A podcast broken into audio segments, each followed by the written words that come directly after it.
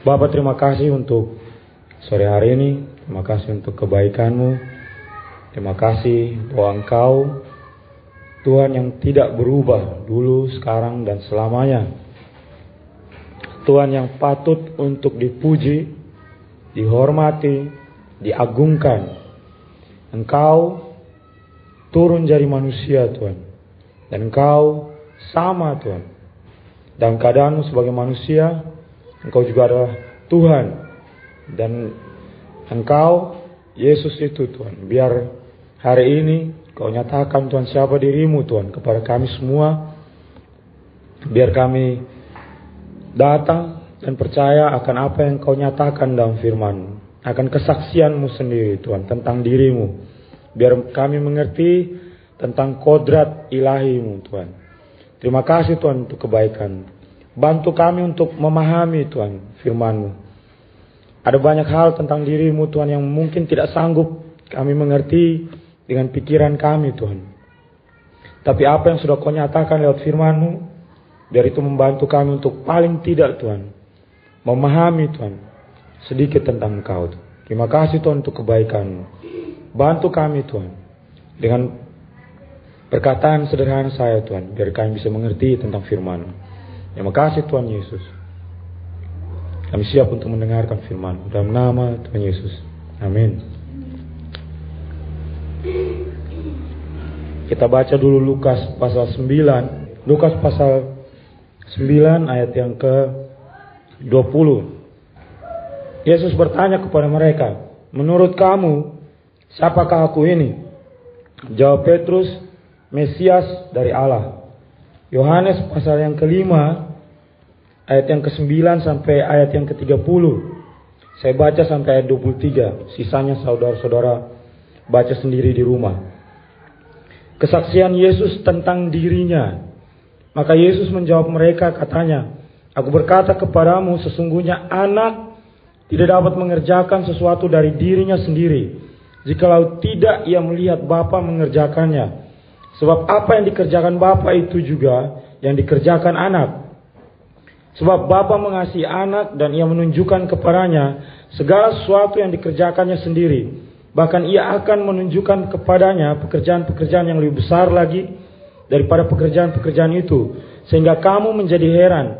Sebab sama seperti Bapa membangkitkan orang-orang mati dan menghidupkannya. Demikian juga anak menghidupkan barang siapa yang dikehendakinya. Bapa tidak menghakimi siapa pun. Melainkan telah menyerahkan penghakiman itu seluruhnya kepada anak. Supaya semua orang menghormati anak sama seperti mereka menghormati Bapa. Barang siapa tidak menghormati anak, ia juga tidak menghormati Bapa yang mengutus dia. Yang berbahagia adalah setiap orang yang mendengarkan firman Tuhan dan yang melakukannya di dalam kehidupannya. Pertanyaan tentang kodrat Yesus atau natur Yesus atau sifat dasar daripada Tuhan Yesus itu adalah topik yang terus diperdebatkan orang sejak Yesus datang ke dunia sejak pemberitaan Injil bahkan sejak gereja kekristenan pertama sekali didirikan. Ya, jadi saudara-saudara bisa perhatikan uh, rasul-rasul uh, seperti Yohanes, rasul-rasul seperti Paulus berusaha untuk menjelaskan lewat surat-surat mereka kepada orang-orang yang membaca untuk menekankan atau untuk menjelaskan kepada orang-orang bahwa Yesus itu Tuhan dan Yesus itu adalah manusia. Yesus memiliki dua hal ini dan dua hal ini banyak orang yang tidak bisa menerima itu. Ya, ada banyak pertentangan yang muncul, ada banyak perdebatan yang muncul mempertanyakan tentang Yesus itu Tuhan sajakah atau Yesus itu manusia sajakah atau Yesus itu dua-duanya, Tuhan atau manusia. Nah, tahun 325 ada perdebatan yang sengit sekali kali antara Arius dan Athanasius. Arius mengatakan bahwa Tuhan, Yesus itu bukan Tuhan. Yesus itu lebih unggul dari semua ciptaan yang lain, tapi Yesus hanya ciptaan. Yesus memang sudah ada sebelum ciptaan itu ada, tapi Yesus sendiri diciptakan oleh Tuhan. Yesus tidak jauh berbeda dari semua ciptaan yang lain, hanya lebih unggul. tapi dia bukan Tuhan. Jadi yang diperdebatkan oleh Arius dan Athanasius adalah homois dan homo. Dua kata yang hanya beda satu kata i. Tapi itu memiliki dampak yang luar biasa. Homois itu seperti Tuhan dan homo itu sama dengan Tuhan. Kau harus hati-hati ya. Waktu kau perhatikan ini. Seperti Tuhan belum tentu itu adalah Tuhan. Sama dengan Tuhan itu artinya Tuhan itu sendiri. Arius bilang bahwa saya tidak percaya bahwa Yesus itu Tuhan. Dia hanya lebih tinggi daripada ciptaan yang lain. Tapi Athanasius bilang bahwa tidak. Yesus adalah Tuhan. Kalau Yesus itu bukan Tuhan, penebusan itu menjadi tidak berarti. Tidak ada yang bisa menjebatani kita dengan Tuhan. Tidak ada yang bisa menjadi perantara antara kita dengan Tuhan. Kalau Yesus bukan Tuhan. Karena Yesus sama seperti kita juga. Kalau Yesus sama seperti kita juga, maka Yesus tidak bisa menjadi perantara yang sempurna antara Tuhan dan kita. Tidak ada yang bisa menjangkau Tuhan kalau bukan Tuhan sendiri. Dan penebusan yang Yesus kerjakan di kayu salib tidak akan ada gunanya bagi kita sekarang. Karena darah Yesus sama seperti darahnya kita semua. Tapi apa yang membuat bedakan darah Yesus dan darahnya kita? Darah Yesus adalah darah daripada manusia yang tidak bercacat, yang tidak berdosa sama sekali. Itu yang membuat dia bisa menebus kita dengan sempurna. Dan hasil dari perdebatan itu akhirnya konsili Nicea memutuskan menerima keilahian daripada Yesus dan menyatakan pengajaran daripada Arius itu sesat atau bidat. Nah kalau saudara menemukan saksi-saksi Jehovah, saudara akan menemukan apa yang mereka ajarkan itu persis seperti yang diajarkan oleh Arius. Waktu saya bahas tentang kodrat ilahi daripada Tuhan Yesus, kemungkinan besar daripada kita, kita tidak peduli. Kebanyakan orang Kristen tidak peduli. Entah Yesus itu mau Tuhan, Yesus itu manusia. Yang dia peduli adalah apa yang dikatakan oleh Alkitab tentang dirimu. Tentang diri saya. Kita lebih tertarik dengan khotbah-khotbah yang bicara tentang diri saya, bagaimana kebutuhan saya dipenuhi, bagaimana Tuhan menjawab semua yang saya butuhkan. Tapi kalau kita mau bicara tentang Yesus itu sendiri, karena kita bilang, untuk apa saya tahu tentang hal itu? Tapi saudara perlu mengerti bahwa kekristenan tanpa Yesus itu menjadi Tuhan tidak ada gunanya. Agama kita menjadi agama yang mati seperti agama yang lain. Kalau Yesus bukan Tuhan.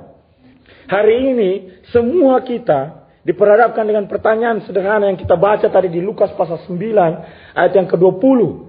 Menurut kamu, menurut saya dan saudara, siapa Yesus menurut saudara? Tiap-tiap orang harus bisa menjawab. Apakah dia Tuhan? Apakah dia manusia? Apakah dia dua-duanya? Atau dia hanya guru seperti pendiri-pendiri agama yang lain? Tiap-tiap kita harus bisa menjawab ini. Men, sebelum saudara-saudara menjawab, izinkan saya untuk berbicara tentang apa yang Yesus sendiri. Kalau kau perhatikan perikopnya ditulis kesaksian Yesus tentang dirinya sendiri. Jadi pasal 5 ini dalam Yohanes ini menurut saya pasal terkaya. Firman Tuhan yang paling kaya yang bicara tentang Yesus dan itu keluar dari mulutnya Tuhan sendiri. Men, kalau kau mau cari tahu tentang Yesus, dengarkan bagaimana Yesus bicara tentang dirinya sendiri. Nah, itu yang luar biasa. Ada beberapa hal yang Yesus klaim di sini atau Yesus nyatakan dirinya itu seperti ini loh. Dan semua orang yang percaya sama Yesus harus tahu dengan pasti bahwa itulah Yesus yang saya kenal. Itulah Yesus yang saya percayai. Amin. Ada tiga hal yang saya mau bagikan kepada saudara-saudara. Pertama, kau harus melihat bahwa Yesus mengklaim dirinya sebagai anak daripada Bapa di sorga. Kalau saudara perhatikan ayat yang ke-18, tertulis seperti ini. Orang-orang Yahudi lebih berusaha lagi untuk membunuhnya. Bukan saja karena ia meniadakan hari sabat. Tetapi juga karena ia mengatakan bahwa Allah adalah Bapaknya sendiri. Dan dengan demikian menyamakan dirinya dengan Allah. Oh perhatikan, orang Yahudi pengen bunuh Tuhan Yesus. Kenapa? Karena Yesus panggil Tuhan, pencipta langit dan bumi. Dia bilang, Bapa. Orang Yahudi tidak pernah menyebut Tuhan itu Bapa. Kalaupun terpaksa menyebut nama Tuhan atau memanggil dia Bapa, mereka akan menambahkan kata di surga. Atau menambahkan keterangan yang menunjukkan bahwa ada jarak antara saya dengan dia. Bapa kami yang ada di surga untuk menunjukkan bahwa saya di bumi, saya manusia dan dia itu Tuhan. Saya di sini dan dia di sana. Ada jarak antara saya dan dia. Tapi waktu Yesus memanggil Bapa, dia tidak bilang Bapa di surga atau tambahan keterangan yang lain. Dia bilang Bapakku. Itu jauh berbeda dan orang Yahudi bilang jengkel sekali. Ini orang kok berani dia panggil Tuhan Bapaknya dia. Mereka berusaha untuk membunuh dia. Mereka tidak suka ada orang berusaha menyamakan dirinya dengan Tuhan itu sendiri. Kalau saudara perhatikan ayat yang ke-19, ayat yang ke-24, dan ayat yang ke-25, Yesus punya tanggapan waktu mereka mau bilang, Kau kok menyamakan dirimu dengan Tuhan? Yesus bilang gini, ayat 19, Aku berkata kepadamu, sesungguhnya. Terus ayat 24, Aku berkata kepadamu, sesungguhnya. Ayat yang ke-25, Aku berkata kepadamu, sesungguhnya. Kalau bahasa Ibrani dia bilang, Amin, amin, amin. Betul sekali yang kau bilang. Oh kau ini menyebut dirimu anak daripada Bapa di surga. Kau pikir dirimu sama dengan Bapa di surga. Apa yang Yesus bilang? Amin. Amin. Amin. Memang betul saya anak daripada Bapa di surga. Saya memang anak daripada Bapa di surga. Waktu Yesus bilang, waktu saya panggil dia Bapa, saya dan Bapa itu satu. Hakikat saya dan Bapa itu sama. Saya adalah Tuhan. Dia adalah Tuhan. Kami dua adalah Tuhan. Me? Itu pusing mereka. Kok bisa ini orang menyebut dirinya Tuhan? Me? Dia bilang, kami dua sama. Hakikatnya kami berdua sama. Waktu Yesus bilang, ya, dia memanggil Bapakku. Masih bekerja sampai detik ini. Dia menunjukkan bahwa saya juga masih bekerja sampai detik ini. Saya sama seperti Bapak di sorga. Saya adalah Tuhan itu sendiri. Cuman kalau kau perhatikan ya, dia bilang sesungguhnya anak tidak dapat mengerjakan sesuatu dari dirinya sendiri jikalau tidak yang melihat Bapa mengerjakannya.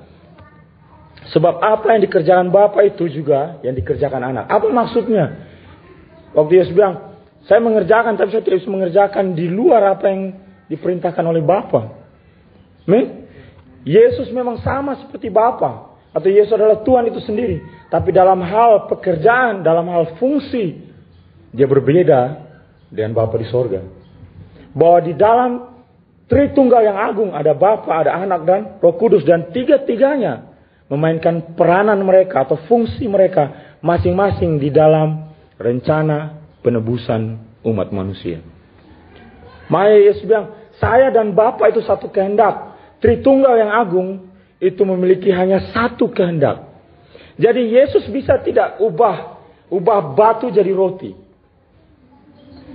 Bisa waktu dia bertemu dengan iblis, iblis tahu kau bisa. Tapi yang yang lagi berusaha iblis uji sama Yesus bahwa mau tidak dia melanggar kehendak daripada Tritunggal itu sendiri. Mau tidak dia berbeda sepenuhnya. Tapi jelas Yesus bilang, iya bisa saya ubah. Tapi itu sudah bukan kehendak daripada Bapa. Bukan berarti kalau kau waktu baca begini, kau mengerti bahwa ada hierarki di dalam Tritunggal. Ada posisi siapa yang lebih tinggi dan siapa yang lebih rendah. Tidak ada sama sekali di dalam posisi Tritunggal. Bapa lebih tinggi daripada anak, anak lebih tinggi daripada roh kudus. Ini mungkin memusingkan kamu semuanya. Tapi ingat ya, di dalam Tritunggal tidak ada konflik kepentingan. Siapa yang ditinggikan lebih daripada yang lain. Semuanya sama. Hanya masalah fungsi. Hanya masalah perannya mereka yang berbeda-beda. Sampai di sini kau bisa memahami paling tidak. Bisa ya. Jadi bukan karena Yesus itu lebih rendah daripada Bapa surga. Karena Saksi Jehova kalau ketemu sama dia atau pengikut Arius kau ketemu sama mereka, mereka akan bilang, "Iya, Yesus itu memang tinggi, tapi dia tidak lebih tinggi daripada Bapa." Kau lihat saja apa yang dia katakan, dia tidak bisa melakukan apa-apa kalau bukan karena kehendak Bapa. Salah.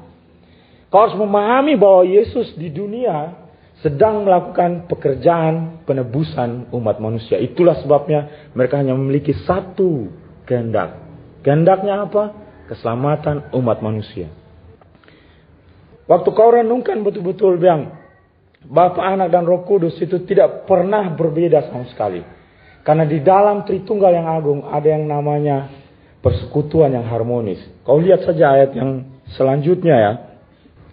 Dia bilang seperti ini, ayat 20. Sebab Bapa mengasihi anak. Itu luar biasa. Bahwa di dalam persekutuan yang indah dalam Tritunggal, Bapa itu mengasihi anak dan anak mengasihi Bapa. Waktu anak turun ke dunia, apa yang dia lakukan karena dia mengasihi Bapa. Men, kita punya otak ini sudah penuh dengan Yohanes 3 ayat yang ke-16.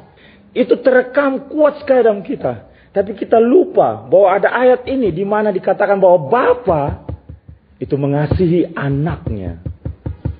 Saya tanya sama kau, sebelum dunia ini diciptakan, sebelum kau dan saya ini ada di dunia ini, siapa yang Bapak kasih? Siapa yang Bapak kasih? Anak. Sebelum segalanya ada, kita ini bukan orang pertama yang dikasih oleh Tuhan. Manusia itu bukan objek pertama yang Tuhan kasih. Kau lupa bahwa Injil, tiga Injil pertama dibuka dan, dan perkataan seperti ini. Inilah anakku yang kukasih, kepadanya aku berkenan. Kau itu tidak ada papanya. Kita berpikir kitalah pusat dari segala sesuatu. Firman Tuhan untuk saya semuanya. No kau salah. Bapak itu sayang dengan anaknya, bukan kau. Kalau kau pun tidak ada, dia masih punya anak yang dia kasih. Dan anak itu mengasihi Bapa. Terus sayangnya apa Tuhan? Kau itu hanya bagian dari rencana kasihnya Tuhan. Supaya menunjukkan bahwa Bapa itu kasih. Amin. Itu klaimnya Tuhan Yesus yang luar biasa. Bahwa dia itu sama seperti Bapa. Dan dia dikasihi oleh Bapa. Kau waktu Natal, kau pasti ingat sekali apa yang dikatakan di dalam Yesaya pasal 9 ayat yang kelima. Ini sebenarnya uh, nubuat yang menjelaskan tentang Yesus itu sendiri. Yesaya 9 ayat yang kelima. Dia bilang seperti ini. Sebab seorang anak, kau perhatikan dia kata-kata baik-baik. Seorang anak telah lahir untuk kita. Seorang putra telah diberikan untuk kita. Lambang pemerintahan ada di atas bahunya. Dan namanya disebutkan penasihat ajaib, Allah yang perkasa, Bapa yang kekal, Raja damai. Kau lihat baik-baik ya. Seorang anak telah lahir, tapi seorang putra dibilang apa? Diberikan. Yang lahir itu manusia. Manusianya tubuh yang Tuhan Yesus pakai. Dia lahir sebagai manusia. Tapi putra itu, anak itu sudah ada jauh sebelum masa ada. Makanya diberikan kepada kau. Dia tidak dilahirkan ke dunia ini. Dia sudah ada di dunia ini. Sebelum dia lahir ke dunia ini, dia sudah ada di dunia ini. Dia sudah memegang dunia ini dalam tangannya. Bagaimana mungkin dia harus dia harus menjadi sesuatu yang baru ada? Tidak bisa. Dia bukan baru ada. Dia sudah ada sebelumnya. Makanya seorang anak lahir. Putra itu tidak pernah lahir. Dia hanya diberikan kepada kita. Men, kau paham ini? Makanya waktu kau melihat putra itu. Kau melihat Bapak itu sendiri. Perhatikan dia punya nama. Penasihat ajaib. Terus selanjutnya apa? Allah yang perkasa. Itu memang gelarnya dia. Dia itu Tuhan sendiri. Orang yang bingung, eh, kok bisa Tuhan jadi manusia? Hmm, dia hanya lahir, dia hanya mengambil rupa seorang hamba. Tapi dia sudah keberadaannya sudah jauh sebelum segala sesuatu ada. Men makanya Yesus bilang, kalau saya mengerjakan ini, sebenarnya kau sedang melihat siapa? Kau melihat Bapa itu sendiri atau Tuhan itu sendiri. Kau perhatikan waktu penciptaan ya. Yesus sudah ada di situ. Sebagai apa? Firman yang menjadikan segala sesuatu itu ada. Tuhan berkata apa? Berfirmanlah Tuhan. Jadilah terang. Dan apa? Jadi terang. Menurut kau siapa itu? Firman itu. Yesus yang menjadikan itu terang. Orang bilang, di mana Yesus? Dia firman itu. Yesus ada di situ. Bahkan ya, waktu Tuhan menetapkan hari Sabat dan setelah itu Tuhan bekerja. Orang Yahudi tahu itu. Yesus pun juga adalah sebagai firman yang menopang segala sesuatu yang ada. Paham tidak maksudnya? Kuduskan hari Sabat ini. Tuhan memberkati ini. Tapi setelah itu Tuhan berhenti bekerja? Tidak. Kalau Tuhan berhenti bekerja, kita berhenti bernafas. Kita berhenti untuk ada. Tuhan menopang kita. Menopang dengan apa? Dengan firmannya. Firmannya siapa? Tuhan Yesus. Tuhan Yesus yang membuat kau masih ada sampai hari ini. Hmm, betapa luar biasa ini orang. Amin. Jadi kalau misalnya orang Yahudi mau menyalahkan Tuhan Yesus. Kenapa kau menyembuhkan orang di hari sabat? Loh, kalau kau salahkan saya, Kau sama seperti menyalahkan siapa? Bapa dan kau menyalahkan Tuhan. Kau pikir saya ini siapa? Sayang Tuhan. Kau tidak bisa menyalahkan saya. Nih, kau bisa renungkan baik-baik ini. Pertanyaan buat kau. Menurut kau ini orang siapa sih? Kau bisa dia menyamakan dirinya dengan Tuhan. Renungkan baik-baik saudara-saudara. Menurut kau siapa dia? Mungkin kau bilang, Yesus kan sama. Iya, di saat yang sama, dia sama seperti kita. Dia manusia, dan dia dikasihi. Amin. Tapi di saat yang sama juga, dia jauh berbeda dari kita. Dia Tuhan, dia dikasihi lebih duluan daripada kita, dan dia berada di pusat semua penyembahan. Amin. Itu yang membedakan Tuhan Yesus dari kita. Itu yang pertama. Yang kedua, Yesus menyatakan dirinya sebagai pemegang kehidupan dan hakim. Kau perhatikan ya, ubah air jadi anggur itu gampang. Menyembuhkan orang dari jarak sekitar 30-an kilometer dan orang itu bisa sembuh hanya dengan pulang anakmu sembuh. Itu gampang buat Tuhan Yesus. Menyembuhkan orang di kolam Bethesda ini, Tuhan bilang, bangun, angkat tilammu, berjalanlah. Sederhana, gampang. Itu mungkin bisa ditiru oleh manusia. Tapi ada hal yang tidak bisa dilakukan oleh manusia. Dan hanya Tuhan saja yang bisa melakukan itu. Ada dua hal Yesus bilang. Dia klaim bahwa saya memegang kunci kehidupan. Saya memegang kehidupan setiap orang di tangan saya. Saya bisa kasih, saya bisa tarik itu kembali dari kau. Dan yang kedua, semua orang pada akhirnya harus bertanggung jawab dan bertemu dengan saya. Amin. Itu luar biasa. Itu klaim yang kau tidak akan ketemu dan ada orang berani bilang saya pegang kau punya kunci kehidupan. Orang Israel atau orang Yahudi hanya tahu. Hanya Tuhan yang punya tiga kunci kehidupan. Pertama kunci untuk membuka langit. Untuk menurunkan hujan. Hanya Tuhan yang pegang itu. Kunci untuk membuka rahim atau kandungan seorang perempuan. Dan untuk melahirkan seorang anak. Dan yang terakhir kunci untuk membuka kubur dan membangkitkan orang yang sudah mati di dalamnya. Orang Yahudi tahu hanya Tuhan yang pegang itu. Dan Yesus bilang, kau tahu? Saya pegang kau punya kehidupan semua di punya tangan ini. Dan kalau kau baca dia bilang ini. Jangan kau heran sebab sama seperti Bapa, sama seperti Tuhan itu sendiri. Membangkitkan orang-orang mati dan menghidupkannya. Demikian juga anak atau saya, Yesus itu. Menghidupkan barang siapa yang dikehendakinya. Amin. Yesus punya kekuatan untuk menghidupkan. Jadi hidupmu yang kau jaga itu, yang kau pakai masker untuk untuk supaya tidak mati. Dia bilang saya bisa ambil itu kapan saja. Saya punya hak atas kau punya kehidupan. Kau pikir kau siapa? Hidup yang kau perjuangkan untuk menjadi seorang gubernur, seorang presiden, seorang raja, seorang yang berkuasa. Ya, saya bisa ambil hari ini juga. Saya pegang itu kunci kehidupan. Ya, iblis berusaha menipu kau. Inilah hidupmu satu-satunya yang paling berharga. Jaga itu baik-baik. iblis gak punya apa-apa. Kau tahu waktu Yesus sebelum dia mati, dia bilang apa? Saya berikan saya punya nyawa untuk saya ambil kembali. Dia ngomong itu. Eh Yesus yang bilang begitu. Ada di sini orang bisa bilang begitu. Saya berikan nyawaku besok saya ambil kembali. Tidak ada. Kalau kalau benar kau bisa seperti itu, kita tes kau hari ini. Tapi kita tulis dulu surat pernyataan. Kalau lu tidak bangkit, jangan salahkan kita. Serius.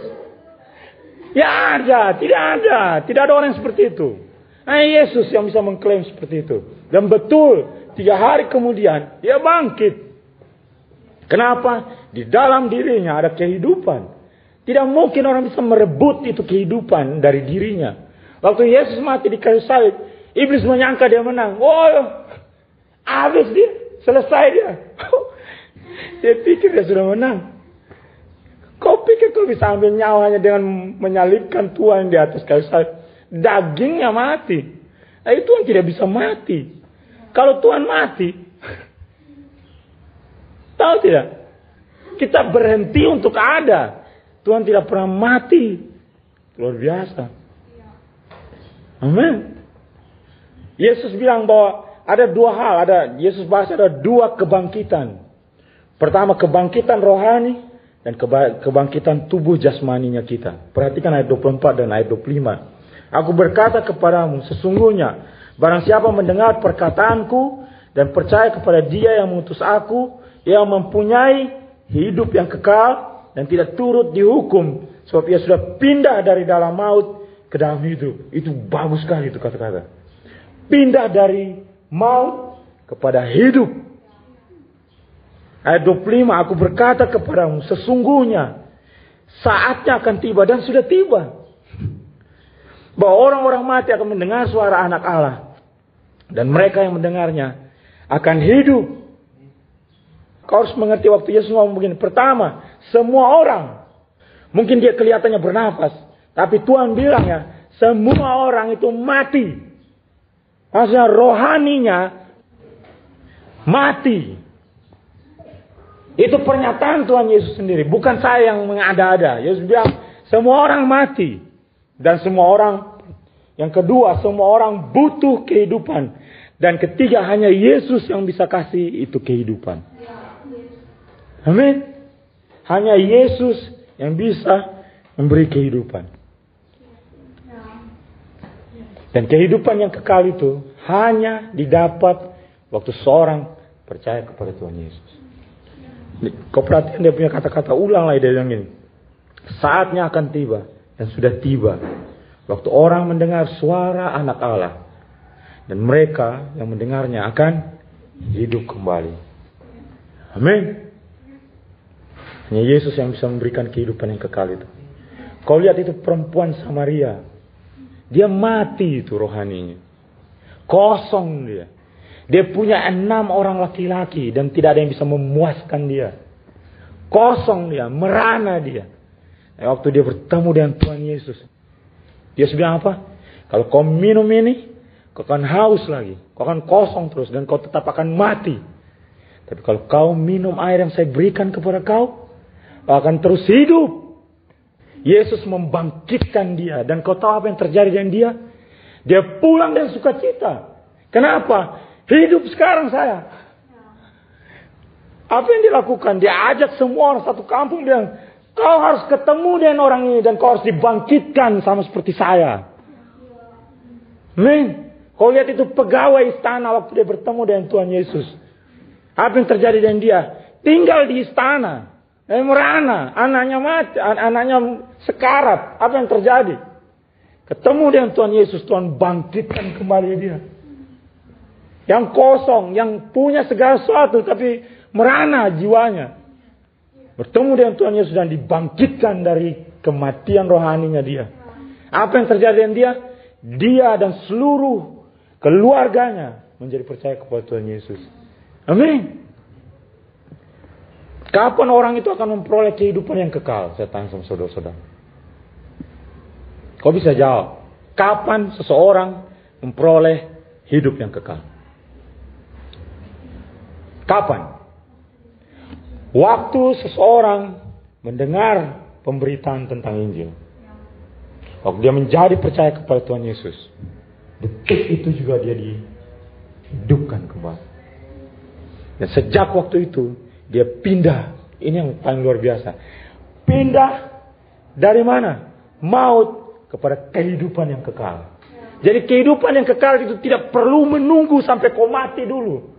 Hari ini kau bisa memperoleh kehidupan yang kekal kalau kau datang kepada Tuhan Yesus. Kalau kau percaya kepada Dia. Apakah kau sudah berpindah dari kematian, dari maut kepada hidup yang kekal? Amin. Kalau belum, saudara-saudara, kalau kau belum, kau harus datang kepada Tuhan Yesus dan dibangkitkan dari kehidupan yang baru. Amin. Itu yang pertama, kebangkitan rohani. Yang kedua, Yesus bicara tentang kebangkitan tubuh. Ayat 28 dan ayat yang ke-29, saudara perhatikan ini. Janganlah kamu heran akan hal itu.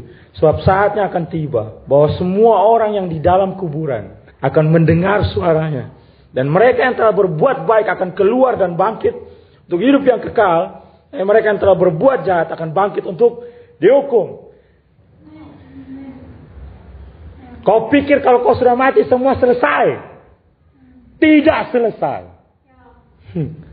Kau pikir kalau kau jahat sekarang Tuhan tidak akan peduli dengan kau. Kalau kau mati selesai ya. Kalau kau bunuh diri selesai semua perkara. Enggak selesai. Tidak selesai. Sonde selesai. It's not finished yet. Kau harus paham betul-betul. Mati itu tidak menyelesaikan kau punya perkara. Kalau kau jahat di dunia ini dan kau mati, kau tahu akan bertemu dengan hakim ini. Dan dia bilang sama kau, apa yang kau lakukan dengan hidup yang saya pinjamkan kepada kau? Hmm? Kau bisa baca Ibrani pasal 9 ayat yang ke-27. Dan seperti manusia ditetapkan untuk mati. Hanya berapa kali? Satu kali saja. Sesudah itu. Apa? Dihakim.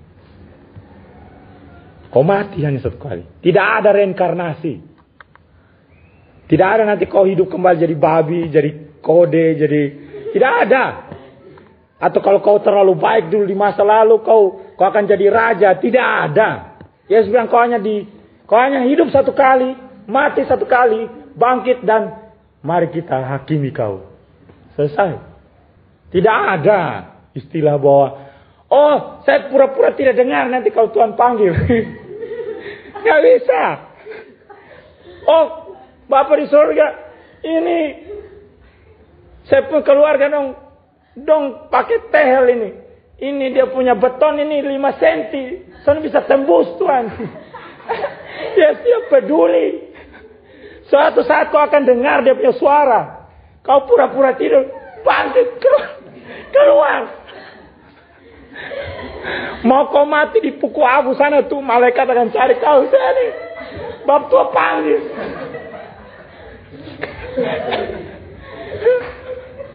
Amin. Mau kau bodoh, mau kau pintar, mau kau kaya, mau kau miskin, mau kau terhina, mau kau terkenal, mau artis seperti apa pun, kau harus berhadapan dengan Tuhan. Yesus mengklaim bahwa dia yang akan menjadi orang pertama yang akan kau ketemui setelah kau mati. Dan dia akan menghakimi kehidupannya kau. Amin. Dia yang menentukan kau akan berakhir di mana. Kehidupan yang kekal atau kematian yang kekal. Ini saya tidak lagi berusaha untuk menakut-nakuti kau saudara-saudara. Tapi itu realitas yang Tuhan Yesus katakan. Yesus sendiri yang katakan. Saya yang akan menghakimi kau saudara-saudara. Yesus yang katakan. Amin. Ada dua, hanya ada dua destinasi saudara-saudara. hanya ada dua tujuan akhir hidup kita ini. Kau baca ayat yang ke-24. Eh sorry ayat yang ke 29. Mereka yang telah berbuat baik akan keluar dan bangkit untuk hidup yang kekal. Amin. Itu kabar baik, itu kabar sukacita. Amin. Bagi semua orang yang baik. Nah orang yang baik itu apa yang dimaksud sama Tuhan Yesus yang baik? Apakah kau tidak pernah pukul kau punya istri? Atau apakah kau tidak pernah nyontek? Atau apakah kau tidak pernah langgar lampu merah kah yang disebut baik oleh Tuhan? Bukan. Yang Yesus maksud dan orang-orang baik adalah orang-orang yang menerima dia, yang mendengar suaranya, yang percaya kepada dia. Karena ayat sebelumnya bilang begitu kan?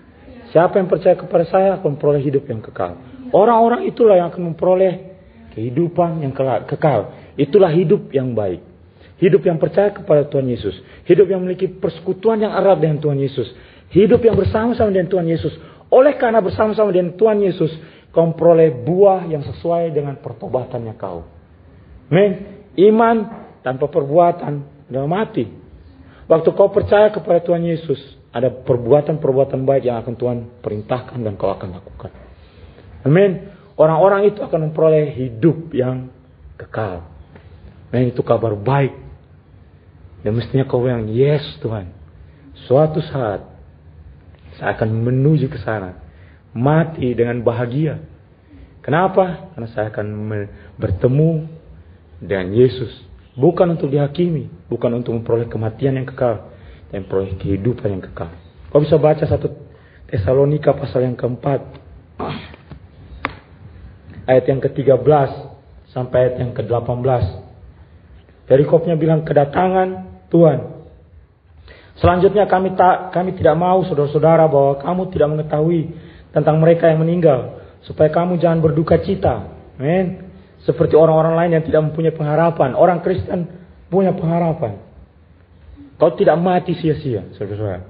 Karena jikalau kita percaya bahwa Yesus telah mati dan telah bangkit, maka kita percaya juga bahwa mereka yang telah meninggal dalam Yesus akan dikumpulkan Allah bersama-sama dengan dia. Ayat 15, ini kami katakan kepadamu dengan firman Tuhan, kita yang hidup yang masih tinggal sampai kedatangan Tuhan sekali-kali tidak akan mendahului mereka yang telah meninggal. Sebab pada waktu tanda diberi, yaitu pada waktu penghulu malaikat berseru dan sangkakala Allah berbunyi, maka Tuhan sendiri akan turun dari sorga. Dan mereka yang mati dalam Kristus akan lebih dahulu bangkit.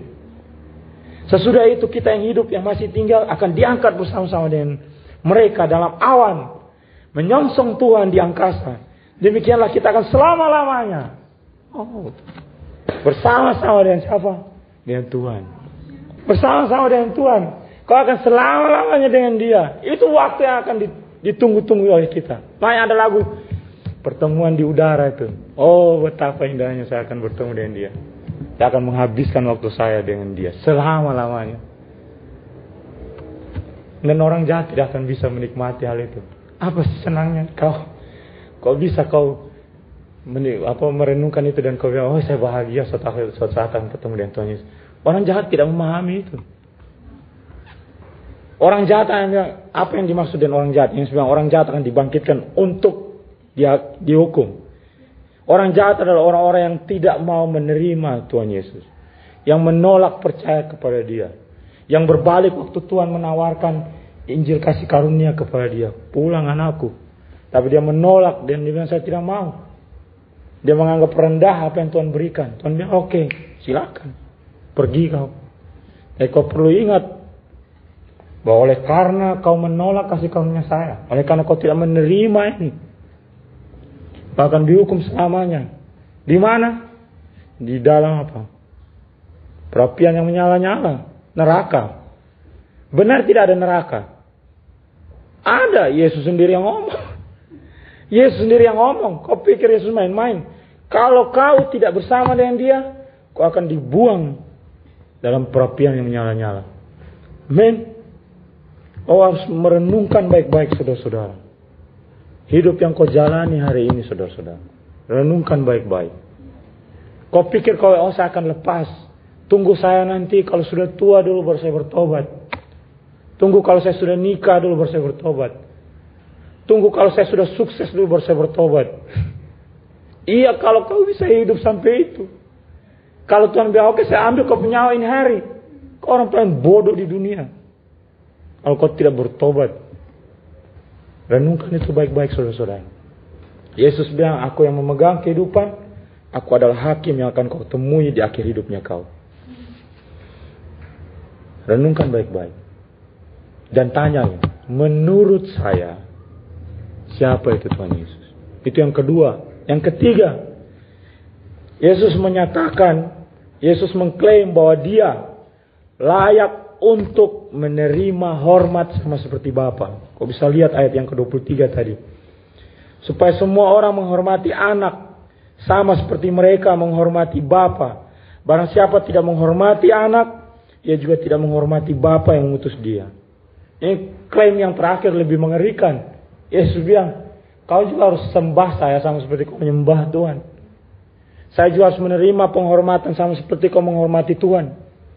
Saya juga harus menerima pengagungan sama seperti kau mengagungkan Tuhan. Orang Yahudi pusing, protes. Aduh, bab Tuhan minta disembah. Ini hanya manusia biasa. Yesus bilang, oh, saya sama seperti Bapak. Kalau kau menyembah Bapa, kau juga harus menyembah saya. Orang-orang di luar sana berpikir tentang orang Kristen. Orang Kristen bodoh. Sembah itu manusia. Ya itu setengah kebenaran. Kita tidak bodoh. Kita menyembah manusia yang adalah Tuhan. Itu baru sepenuhnya kebenaran.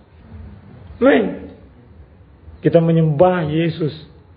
Dan orang Yahudi tahu Ya saudara bisa lihat di Daniel pasal 7 ayat 13 sampai ayat yang ke-14.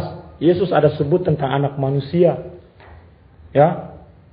Daniel pasal 7 ayat 13 sampai ayat yang ke-14. Aku terus melihat dalam penglihatan malam itu. Tampak datang dengan awan-awan dari langit seperti, seorang seperti anak manusia. Datanglah ia kepada yang lanjut usianya. Yang lanjut usianya itu siapa? Itu bicara tentang siapa? tentang Tuhan yang paling tinggi. Tapi di situ ada Tuhan dan di situ ada yang seperti anak manusia. Kau lihat ya. Ini orang Yahudi pusing bukan main waktu mereka merenungkan ini. Datanglah ia kepada yang lanjut usianya itu. Dan ia dibawa ke hadapannya. Lalu diberikan kepadanya kekuasaan, kemuliaan, kekuasaan. Sebagai raja. Maka orang-orang dari segala bangsa, suku bangsa, bahasa, mengabdi kepadanya. Kekuasaannya adalah kekuasaan yang kekal, yang tidak akan lenyap, dan kerajaannya adalah kerajaan yang tidak akan musnah. Siapa dia? Orang Yahudi bertanya-tanya, siapa dia? Ada satu orang manusia yang disembah di surga sana. Bahkan yang lanjut usianya tidak tidak protes waktu dia disembah. Siapa dia? Anak manusia ini. Dan Yesus pakai itu kata anak manusia. Dia bilang, Aku akan menjadi hakim sebagai seorang anak manusia akan mengadili semua umat manusia. Yesus mengklaim yang dilihat Daniel adalah saya. Amin. Yohanes tahu siapa yang dimaksud oleh Daniel dan Yohanes melihat dalam penglihatan di Patmos, saudara bisa lihat di Wahyu pasal yang pertama. Wahyu pasal yang pertama ayat yang ke-17. 12 eh, sampai 17. Lalu aku berpaling untuk melihat suara yang berbicara kepadaku. Dan setelah aku berpaling, tampaklah kepadaku tujuh kaki dian dari emas. Dan di tengah-tengah kaki dian itu ada seorang yang serupa anak manusia. Yang, yang dilihat Daniel dan yang dilihat Yohanes itu sama. Siapa itu? Yesus itu sendiri. Berpakaian jubah yang panjangnya sampai di kaki dan dadanya berlitkan ikat pinggang dari emas. Kepala dan rambutnya putih bagaikan bulu yang putih merah. Matanya bagaikan nyala api. Kakinya mengkilap bagaikan tembaga membara. Di dalam perapian suaranya bagaikan desau air bah. Dan di tangan kanannya yang memegang tujuh bintang. Dan dari mulutnya keluar sebilah pedang tajam bermata dua. Dan wajahnya bersinar-sinar bagaikan matahari yang terik. Itu Yesus. Ketika aku melihat dia, tersungkurlah aku di depan kakinya. Sama seperti orang yang mati. Tetapi ia meletakkan tangan kanannya di atasku.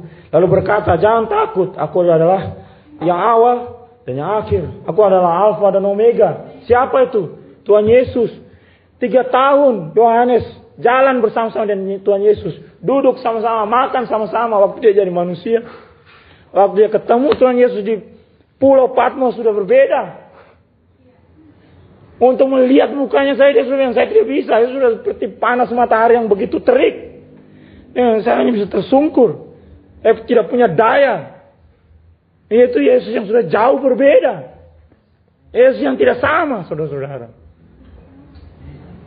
Menurut kau siapa waktu dia bilang, hormati saya, agungkan saya, puji saya, sembah saya. Nah, memang dia layak untuk terima pujian.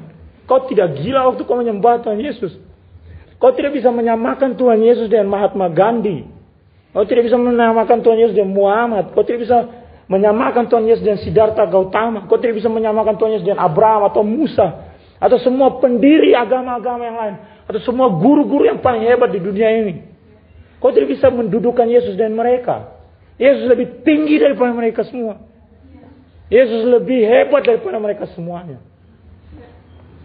Nah, hari ini mungkin kita tidak bisa melihat, kita berpikir semua orang sama. Tapi Yesus berbeda saudara-saudara. Nanti, suatu saat kau akan melihat apa yang dilihat oleh Daniel dan apa yang dilihat oleh Yohanes. Kau akan duduk dan kau gemetar dengan ini orang. Ini Yesus bukan orang biasa. Saya kasih kau ayat terakhir, gambaran yang paling luar biasa. Waktu semua orang akan memuja Tuhan Yesus. Wahyu 5 ayat 11 sampai ayat yang ke-14. Maka aku melihat, ini Yohanes melihat. Dan mendengar suara banyak malaikat sekeliling tahta. Makhluk-makhluk dan tua-tua itu. Jumlah mereka apa? Berlaksa-laksa. Dan beribu-ribu laksa. Katanya dengan suara nyaring. Anak domba yang disembelih itu layak untuk menerima kuasa, kekayaan, dan hikmat, dan kekuatan, dan hormat, dan kemuliaan, dan puji-pujian. Dan aku mendengar semua makhluk, semua makhluk. Mau dia malaikat, mau dia manusia, mau dia binatang, mau dia siapa pun. Semua makhluk. Yang di sorga, yang di bumi, yang di bawah bumi, yang di laut. Semua yang di dalamnya. Oh, bayangkan itu. Mereka semua berkata seperti ini. Bagi dia yang duduk di atas tahta, bagi anak domba, adalah pujian dan hormat dan kemuliaan dan kuasa sampai selama-lamanya. Kau akan menjadi salah satu dari antara ribuan berlaksa-laksa orang, berjuta-juta orang, bermiliar-miliar orang. Akan duduk, akan terpaku, tersungkur di hadapan Tuhan Yesus bilang, kau layak Tuhan. Bukan saya Tuhan. Saya bukan pusat dari bumi ini. Kau Tuhan layak terima untuk segala pujian, hormat, kuasa, kemuliaan. Sampai selama-lamanya Tuhan. Saya hanya apa? Cacing. Ulat yang tidak berguna itu. Yang hanya bisa bilang terima kasih Tuhan. Yang boleh duduk di sini. Boleh masuk dalam kumpulan orang-orang yang bisa berseru. Kau layak untuk terima pujian. Dan kau lihat orang-orang yang dan ayat 14 dan keempat makhluk itu berkata, Amin. Betul itu semuanya. Yes. Dan apa yang terjadi? Dan tua-tua itu jatuh tersungkur dan menyembah. Itu gambar yang paling menakutkan bagi orang-orang yang berdosa, orang-orang jahat. Tapi itu gambar yang paling indah bagi orang-orang yang percaya kepada Yesus Kristus sebagai anak domba Allah itu. Amin. Sekali lagi saudara-saudara, renungkan baik-baik. Menurut kau siapa ini orang? Menurut kau siapa ini orang? Ya, saya tutup. Yesus mengklaim bahwa dia sama dengan Bapa. Dia adalah anak atau dia adalah Tuhan itu sendiri. Yesus mengklaim bahwa Bapa mengasihi dia. Yesus mengklaim bahwa dia memegang kunci kehidupan. Yesus mengklaim bahwa dia akan menjadi hakim. Dan Yesus mengklaim bahwa semua orang harus menyembah dia. Sekarang apa yang ada pikiranmu tentang ini orang? Ini orang gila? Atau keterlaluan? Sinting? Atau penipu? Atau dia betul-betul Tuhan? Kau memutuskan itu. Saya bacakan kau kata-kata penutup dari C.S. Lewis. Mere Christianity. Kekristenan asali. Jika seorang manusia biasa mengatakan hal-hal seperti yang Yesus katakan, orang itu tidak bisa menjadi guru moral yang agung. Dia bisa saja seorang yang apa? Sinting. Setara dengan orang yang menyebut dirinya telur rebus. Apa maksudnya? Saking gilanya dia. Dia berpikir dia ada telur rebus. Atau dia berpikir dia adalah dewa atau Tuhan. Atau yang lainnya. Atau bisa saja Dia adalah sang iblis dari neraka. Orang-orang yang berani bilang seperti itu. Bahwa dia hakim. Dia memegang kunci kehidupan. Orang-orang itu bisa sinting atau dia iblis. Anda harus memutuskan. Entah orang ini adalah anak Tuhan. Atau orang gila. Atau lebih buruk lagi. Anda bisa membungkamnya sebagai orang yang bodoh. Anda bisa meludahinya dan membunuhnya sebagai roh jahat. Itu yang dilakukan orang-orang Yahudi. Atau Anda bisa tersungkur di kakinya dan menyebutnya Tuhan dan Allah. Seperti yang dilakukan oleh Thomas dan rasul-rasul yang lain. Tetapi hendaklah kita tidak menciptakan omong kosong apa pun yang merendahkan tentang siapa dirinya. Bahwa dia adalah seorang guru manusia yang agung. Yesus bukan itu. Kalau kau bilang dia guru yang agung, kau merendahkan dia. Eh? Dia tidak memberikan kemungkinan atau kesempatan kepada kita. Dia tidak bermaksud seperti itu, saudara-saudara. Lewis bilang, kalau kau berpikir Yesus hanya guru biasa, Yesus tidak pernah berpikir seperti itu. Dia menganggap dirinya Tuhan. Entah kau mau percaya, entah kau mau menolak, entah kau mau menganggap dia gila, silakan. Entah kau mau meludahi dia dan bilang, ah, kau kerasukan setan, pergi sana, saya bunuh kau. Eh, silakan. Dan setiap-tiap orang harus memutuskan. Kalau dia punya klaim itu benar, kau harus berhati-hati. Kalau dia salah kau selamat, tapi kalau dia mengklaim benar, kau harus berhati-hati. Dan saya rasa dia benar. Dan kita yang selalu salah. Men, mari kita tundukkan kepala kita dan kita berdoa.